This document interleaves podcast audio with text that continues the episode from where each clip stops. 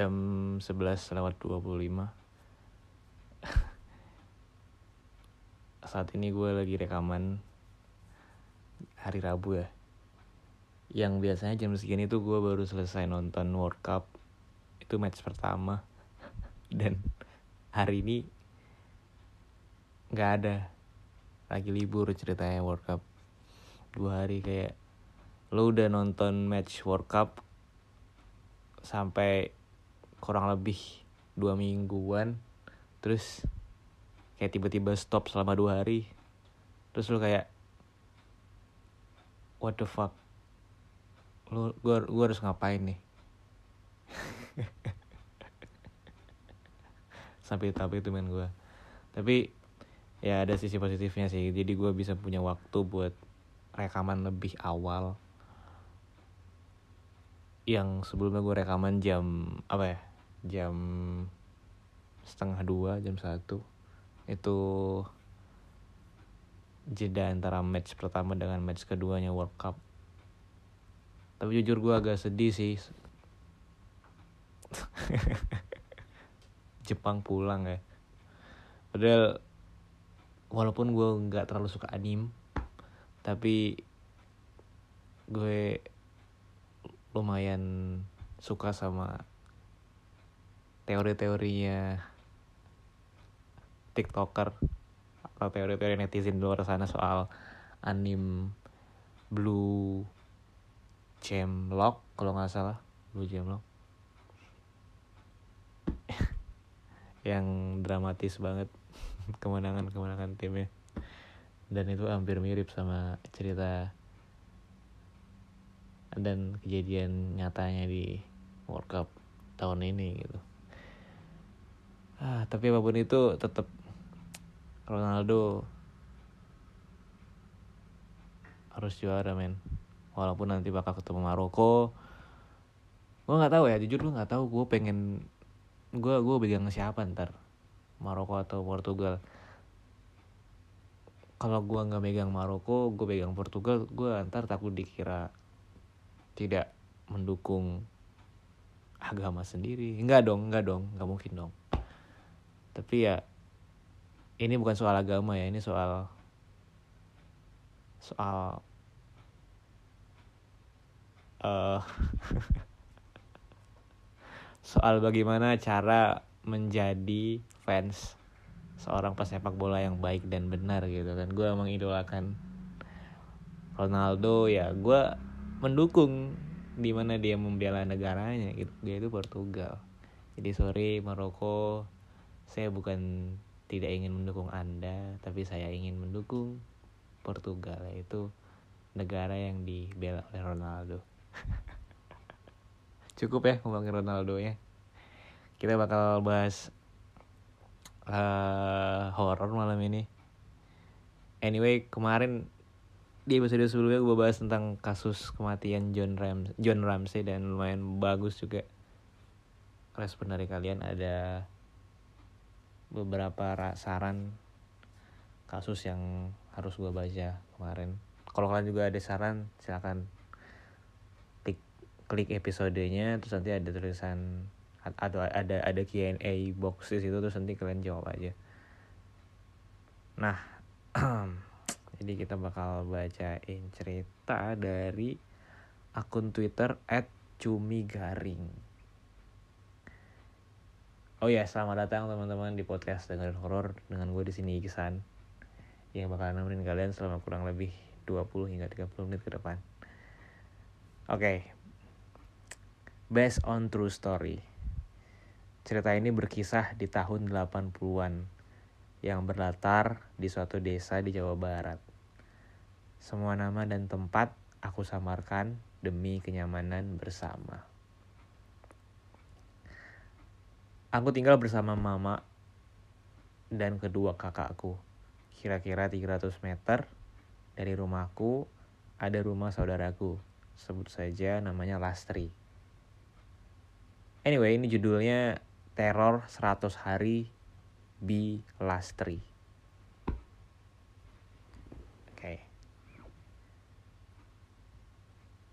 Bilasri ini adalah bibiku Dia berusia sekitar 30 tahun. Dia cantik, tinggi dan badannya cukup berisi. Bilastri sudah menikah dan mempunyai satu anak perempuan. Namun pernikahannya tidak bertahan lama. Dia bercerai dengan suaminya. Untuk memenuhi kebutuhannya sehari-hari, Bilastri mempunyai warung kecil-kecilan di depan rumahnya. Dia berjualan macam-macam makanan seperti pisang goreng, mendoan, dan makanan ringan lainnya. Warungnya ini selalu ramai, banyak anak-anak ataupun orang tua yang makan atau sekedar nongkrong di sana. Dan dari sinilah Bilastri mengenal satu pria yang akan membawanya pada petaka. Pria ini hitam manis, tinggi dan bisa dibilang dia adalah orang kaya di kampungku. Namanya Pak Dendi. Dia merupakan juragan beras. Dia sudah menikah dan mempunyai istri yang menurutku cukup judes. Namanya Bu Marni.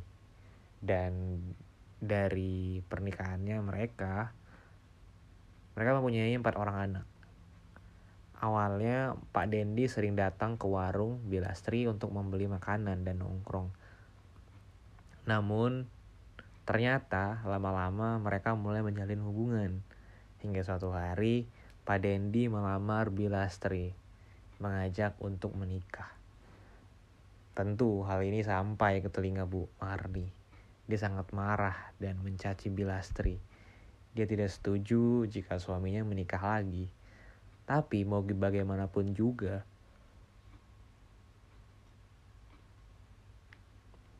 pernikahan tetap terjadi. Suka tidak suka, setuju tidak setuju, Pak Dendi tidak peduli dengan pendapatnya Bu Marni. Tidak berselang lama setelah pernikahan, Bilastri mengumumkan kehamilannya. Keluargaku sangat senang mendengar kehamilan Bilastri. Namun dari pihak istri pertama, mereka merasa tidak senang. Bu Marni saat itu datang ke rumah Bu Lastri ke rumah Bilastri dan mengamuk. Dia berteriak, memaki, bahkan lebih kejam bahkan lebih kejam lagi, dia menyuruh Bilastri untuk menggugurkan kandungannya. Tentulah Bilastri tidak tidak terima dengan perkataan perkataan Bu Marni. Akhirnya karena tidak tahan dengan cacian dari Bu Marni, keluargaku mengusirnya. Setelah kejadian itu, setiap pagi sebelum orang-orang pergi beraktivitas, aku sering melihat Bu Marni membawa air satu gelas kecil dan dia membuang air itu di depan rumah Bilastri. Saat itu salahnya adalah aku tidak terlalu ingin tahu dan masa bodoh aja dengan perilaku Bu Marni. Andai saja saat itu aku menegurnya atau menanyakan apa yang dia lakukan, mungkin hal buruk tidak akan terjadi pada Bilastri. Karena beberapa hari setelah Bu Marni sering membuang air itu, Pilastri dikabarkan sakit. Awalnya keluargaku memanggil Pak Mantri saat itu untuk mengecek kesehatan Bilastri. Menurut Pak Mantri itu hanya sakit demam biasa. Setelah minum obat juga katanya sembuh. Namun bukannya sembuh. Semakin hari keadaan Bilastri malah malah memburuk. Berat badannya sangat turun drastis yang tadinya tubuhnya berisi dalam beberapa hari saja menjadi sangat kurus. Hmm, sorry ya teman-teman. gue habis nguap nih. Ya biasa gue gue kalau bacain cerita jam segitu nguap gitu. Kadang bisa ditahan, kadang nggak bisa ditahan gitu. Lu pernah gak sih kenahan nguap gitu? Kayak lu mau nganga tapi lu tahan-tahan supaya rongga mulut lu tuh gak kebuka kayak ada yang kurang gitu ya jadi gue lepaskan aja tadi sorry ya kawan-kawan ya kita lanjut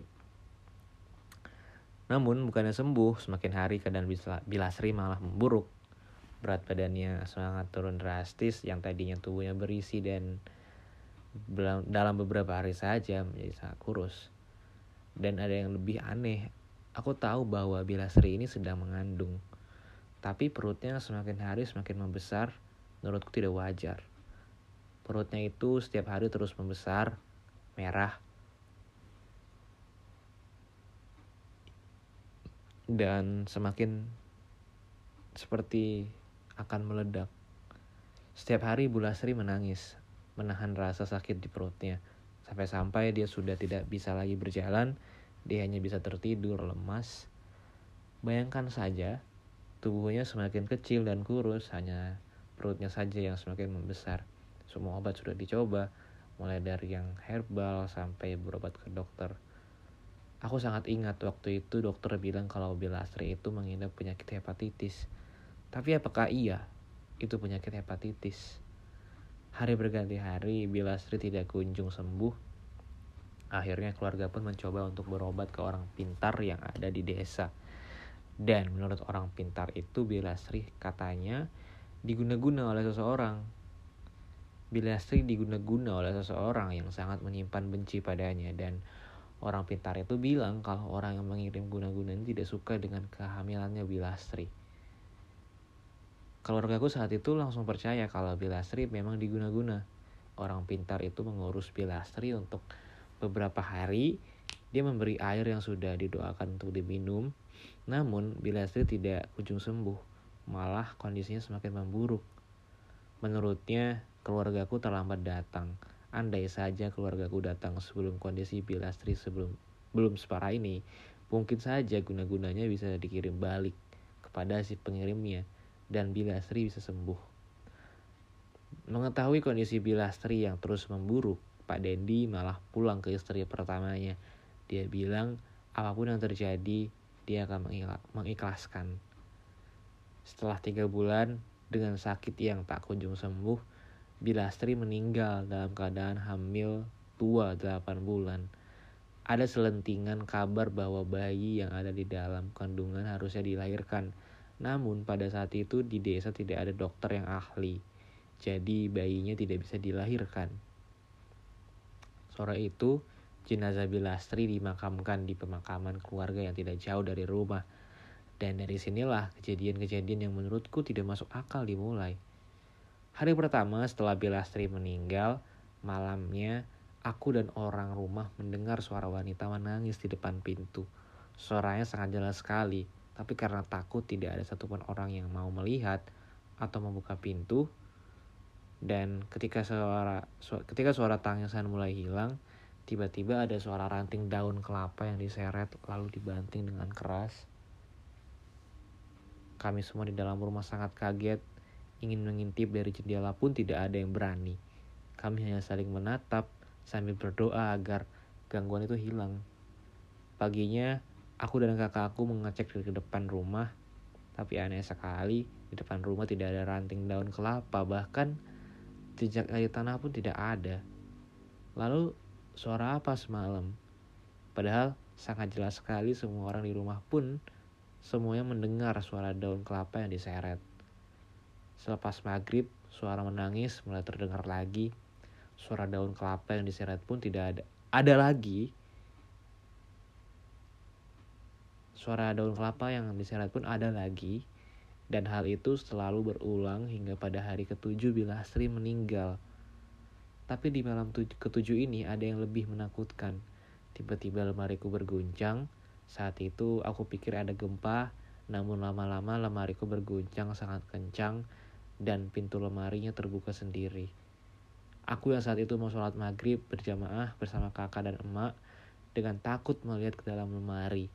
Kami melihat baju-baju bergerak sendiri seperti ada yang mengangkatnya. Baju yang tadi terlihat rapi, semuanya jadi berantakan. Bahkan tidak hanya itu, suara tangisan kembali muncul. Namun kali ini suaranya benar-benar terdengar jelas di dalam rumah.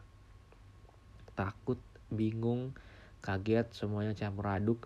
Semua orang bertanya-tanya kenapa Bilastri menghantui rumah ini. Apakah kita punya salah sama Bilastri?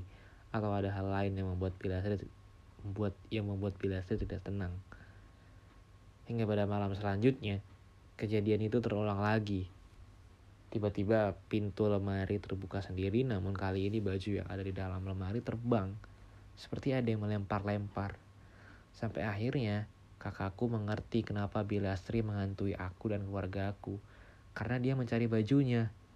Dan aku baru ingat kalau setelah meninggal bapaknya Bilastri itu memberiku rok, dan sweater.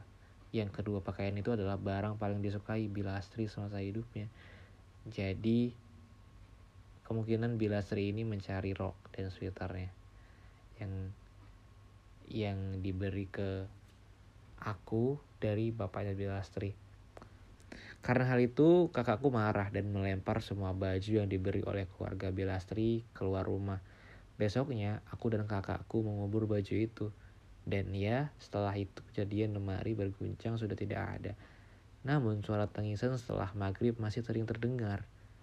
Beberapa hari setelahnya, aku dan kedua kakakku disuruh menginap di rumah bapak. Karena bapak mau pergi untuk menjemput kakek untuk menyelesaikan masalah Bilastri yang terus meneror. Kenapa rumah emak dan bapak berbeda? Kenapa mereka? Karena mereka sudah tidak tinggal satu rumah. Rumah bapak aku sangat dekat dengan rumah Bilastri. Jaraknya benar-benar sangat dekat. Tapi mau tidak mau kami harus menginap. Sore itu karena mulai gelap, aku mulai menyalakan kompor zaman dulu belum ada listrik setiap rumah itu memakai lampu lampu jempor yang dinyalakan oleh api. Lalu aku menutup jendela dan mengunci pintu. Namun tiba-tiba ada angin besar yang membuat yang membuka jendela. Tapi tidak lama setelah itu jendela tertutup sendiri. Namun jendela mulai terbuka dan tertutup sendiri. Terus kemudian terus terus terjadi cukup lama. Setelah Jendela kembali tertutup. Tiba-tiba handuk yang digantung di jemuran tali di dapur bergerak sendiri. Lalu setelah itu semua gorden kamar juga bergerak seperti ada orang yang menarik gordennya.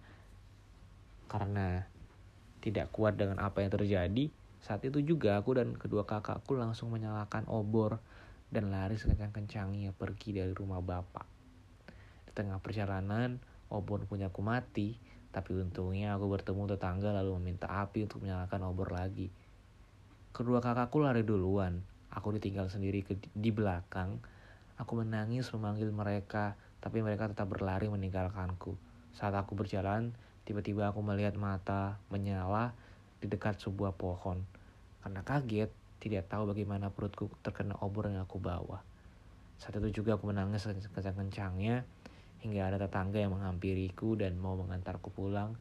Sampai di rumah, aku masih menangis karena tersundut obor. Dan tentu saja emak memarahi kedua kakakku karena meninggalkanku sendirian.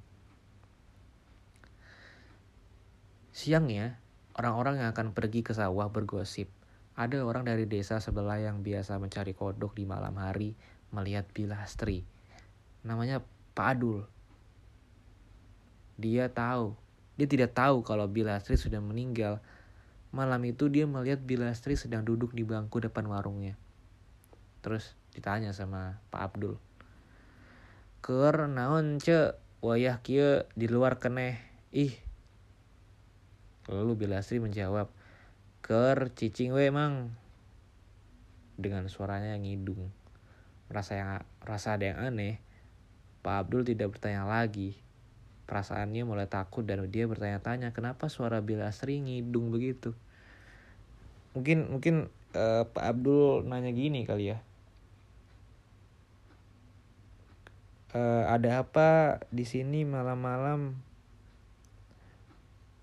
gini gitu kan? Terus Bilastri jawab nggak ada mang.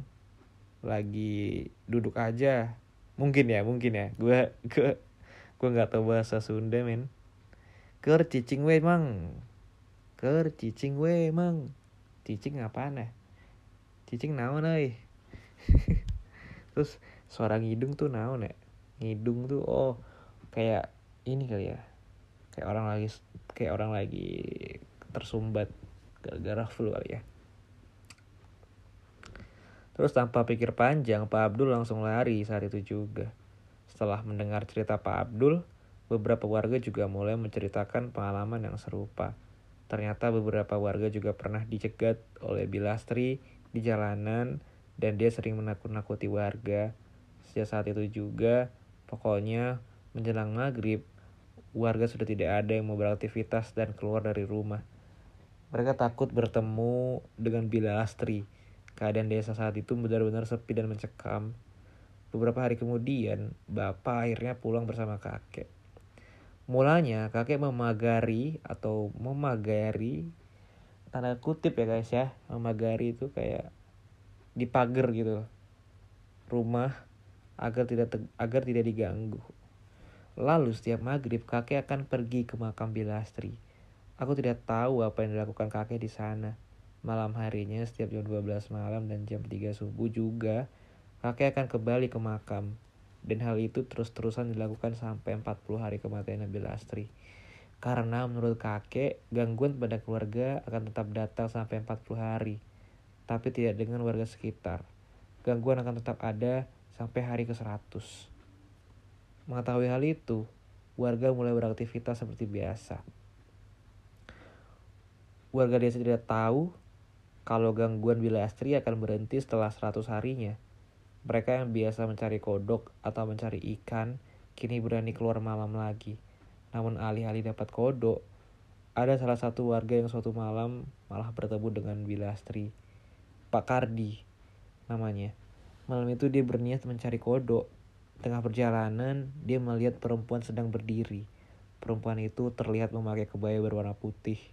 Rambutnya panjang, menjuntai sampai kaki dan dia sedang menggendong bayi. Aneh, pikir Pak Kardi.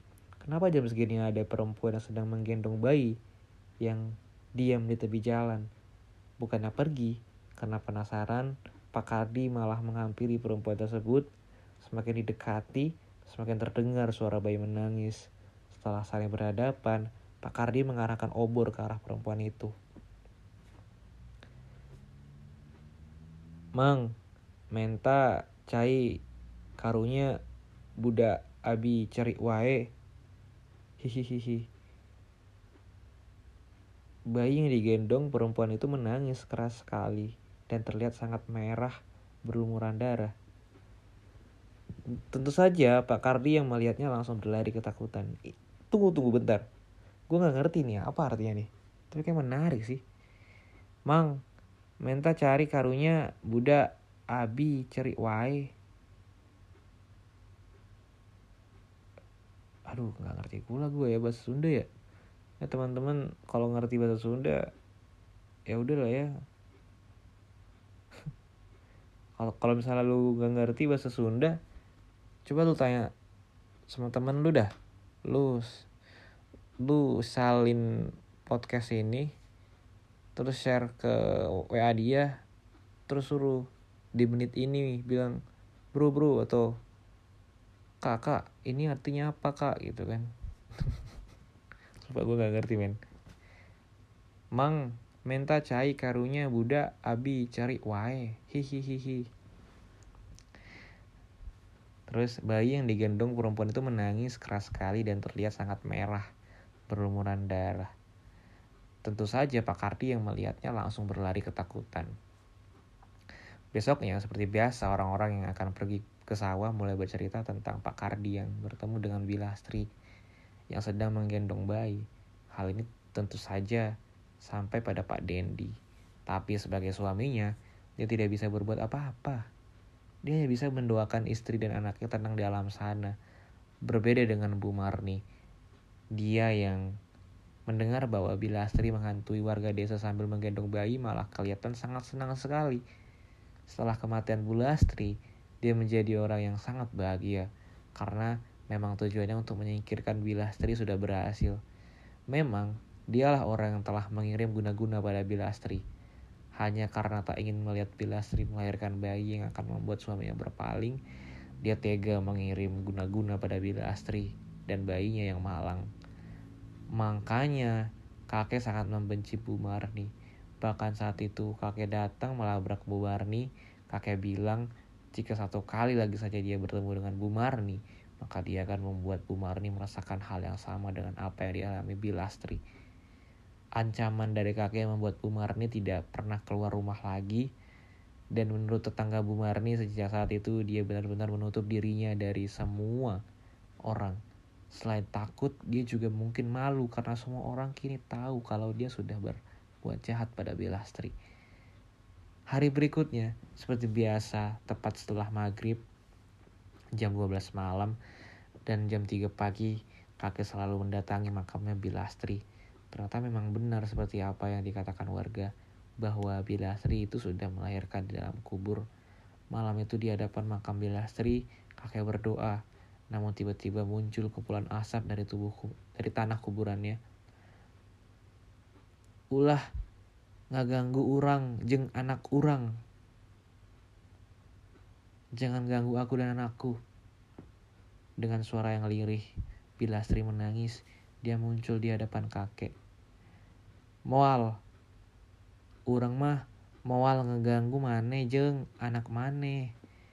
Ngan hiji pamenta orang mah ulah ngaganggu orang lembur karunya sarinen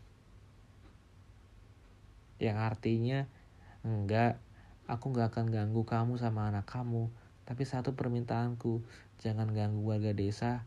Kasihan, mereka ketakutan. Orang te narima paeh dina kayaan kayaan siga kieu karunya anak orang te kalahirkan kadunia naon salah orang jeng anak orang aku nggak terima mati dalam keadaan begini kasihan anakku gak bisa dilahirkan ke dunia. Apa salahku dan anakku? Suara tangisan Bilastri dan juga suara tangisan bayinya sangat menyayat hati, membuat kakek sangat sedih. Lalu tiba-tiba, suasana malam itu menjadi hening dan Bilastri menghilang. Setelah kejadian itu, setiap kakek pergi ke makam, dia tidak pernah bertemu lagi dengan Bilastri. Tapi warga sekitar masih tetap dihantui oleh Bilastri yang sedang menggendong bayinya. Hingga akhirnya pada satu malam, kakek memberi tanda di makam Belastri dengan benang kasur. Aku tidak begitu mengerti, tapi menurut kakek, benang kasur itu akan menunjukkan ke mana Belastri pergi setiap malamnya. Paginya, kakek mengecek benang kasur tersebut.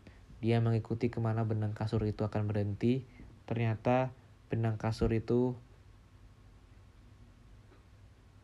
berhenti di sebuah warung yang menjual buah-buahan dan tempatnya itu cukup jauh.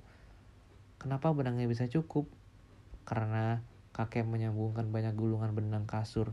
Jadi sejauh apa pun jarak pilastri pergi, benangnya akan cukup. Siang itu, kakek mengunjungi warung buah-buahan tersebut. Kakek bertanya pada pemilik warung buah-buahan tersebut. Apakah dia sering ditakut-takuti oleh Bilastri? Pemilik warung itu bilang kalau dia, dia tidak pernah ditakut-takuti oleh Bilastri. Tapi dia mengaku sering sekali kehilangan buah pisang. What? Bilastri doyan pisang guys.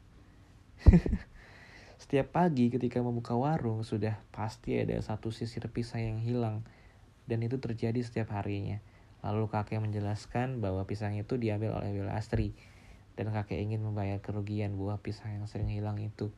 Tapi si pemilik warung bilang tidak usah membayar dia sudah mengikhlaskannya. Menurut kakek, memang ketika mengecek makam Bilastri di sana selalu banyak sekali kulit pisang. Karena memang setelah Bilastri melahirkan di dalam kubur, dia sering mengambil pisang itu untuk memberi makan anaknya. Karena teror dari Bilastri tidak berhenti, akhirnya warga desa mendesak kakek agar cepat-cepat membereskan masalah ini. Lalu menjelang hari ke-100, di jam 12 malam, kakek datang ke makam seperti biasa. Kakek mau nyara nyareatan makam Bilastri intinya mendoakan gitulah ya. Nah sebelum ke akhir cerita jadi aku gambarkan situasi di makamnya ya. Jadi tepat di sebelah pemakaman itu ada sebuah kolam. Air kolam itu sangat jernih. Dan di samping kolam itu ada batu berwarna hitam besar sekali malam itu kakek dan kakek merasa heran karena seingatnya, kalau di samping kolam itu seharusnya batunya tidak sebesar itu. Tapi saat itu walaupun pencahayaannya hanya dengan obor, tapi kakek bisa melihat bayangan batu hitam itu semakin besar. Karena sangat penasaran, kakek menghampiri dan menginjaknya. Aneh sekali, karena ketika diinjak batu itu tidak keras sama sekali seperti batu pada umumnya. Batu itu hidup seperti bernafas dan itu sangat terasa karena kakek itu menginjaknya tidak menggunakan alas kaki apa pun.